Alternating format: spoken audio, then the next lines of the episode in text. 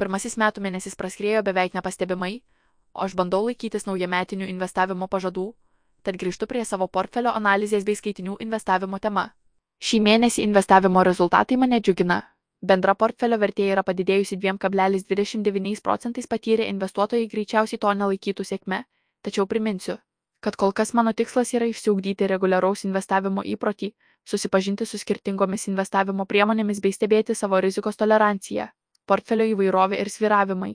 Šiandieną mano portfelį sudaro penkių skirtingų įmonių akcijos bei penki skirtingi fondai.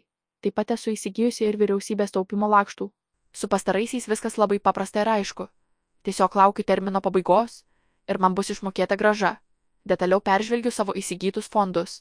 Smagu tai, kad šį mėnesį visi jie rodo teigiamus rezultatus, sviruojančius nuo 4,55 procentų iki 11,12 procentų augimo.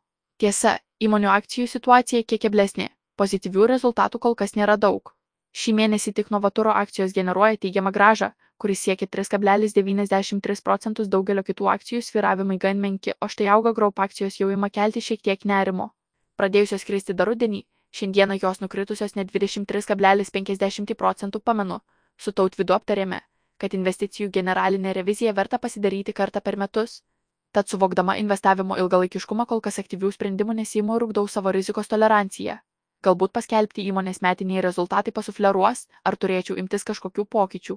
Eilinį kartą pasidžiaugiu periodiniu investavimu, kuomet mėnesio pabaigoje gaunu žinutę iš banko apie įskaitytų 100 eurų į du skirtingus fondus. Pusė darbo padaryta, man belieka išsirinkti, kam šį mėnesį skirsiu dar 100 eurų. Naujos akcijos. Po įmonių rezultatų. Kaip visuomet peržiūriu interneto banke esančias naujienas ir informaciją, analitikų išvalgas bei rekomendacijas. Svarstau, kokią priemonę pasirinkti. Pirkti akcijų ar fondą. Tarp analitikų rekomendacijų akį patraukia Ekolograup apžvalga, kurioje aprašoma apie įmonės viršytus pelningumo lūkesčius, gerėjančias prekybos sąlygas ir analitikai keičia savo rekomendaciją iš neutralios. Įpirkti. Galima būtų pasinaudoti analitikų rekomendaciją. Tačiau prisimenu, kad portfelyje turiu žemės ūkio ir maisto pramonės įmonės akcijų, kurios man kelia neiškumų, tad kol kas atsisakysiu. Taip pat ne pirmą mėnesį galvoju apie aprangos akcijų įsigijimą. Nekartą skaičiau apie gerus įmonės rezultatus, padidėjusias apyvartas bei džiuginantį dividendų pajamingumą.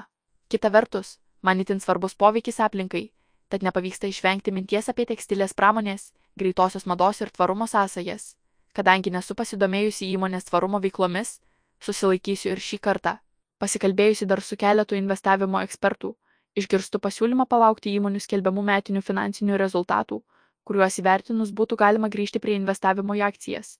Manau, šį kartą pasinaudosiu šiuo patarimu ir išsirinksiu kokį nors fondą, nes kaip nekartą jau esu įsitikinusi, Fondų rezultatai gali būti šiek tiek stabilesni nei vienos konkrečios įmonės.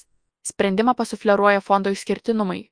Interneto bankė fondų pasirinkimas man atrodo išties gausus, o renkuosi atsižvelgdama į kelis tuos pačius kriterijus. Visų pirma, akis užkliūva už fondo pavadinimo, kuris paprastai jau sufleruoja, į kokias rytis savo investicijas nukreipia fondas. Tuomet peržiūriu pagrindinę fondo informaciją ir rizikos rodiklį. Informacija pateikta tikrai aiškiai, o tai palengvina sprendimo prieimimą. Galiausiai nusprendžiu, kad šį mėnesį 100 eurų investuosiu į Global HGH Dividend fondą. Fondas lėšas nukreipia įvairių sektorių įmonės visame pasaulyje, kur vidutinis dividendų lygis yra didesnis, palyginti su jo lyginamojų indeksu. Kadangi didelio dividendinio pajamingumo bendrovėms paprastai būdingas brandesnis verslo modelis, jų rizika dažniausiai būna mažesnė. Fondas nemoka jokių dividendų, o gautos pajamos perinvestuojamos į fondą. Fondą sudaro įvairios pramonės šakos nuo finansų paslaugų, technologijų įmonių iki pramonės bei sveikatos apsaugos.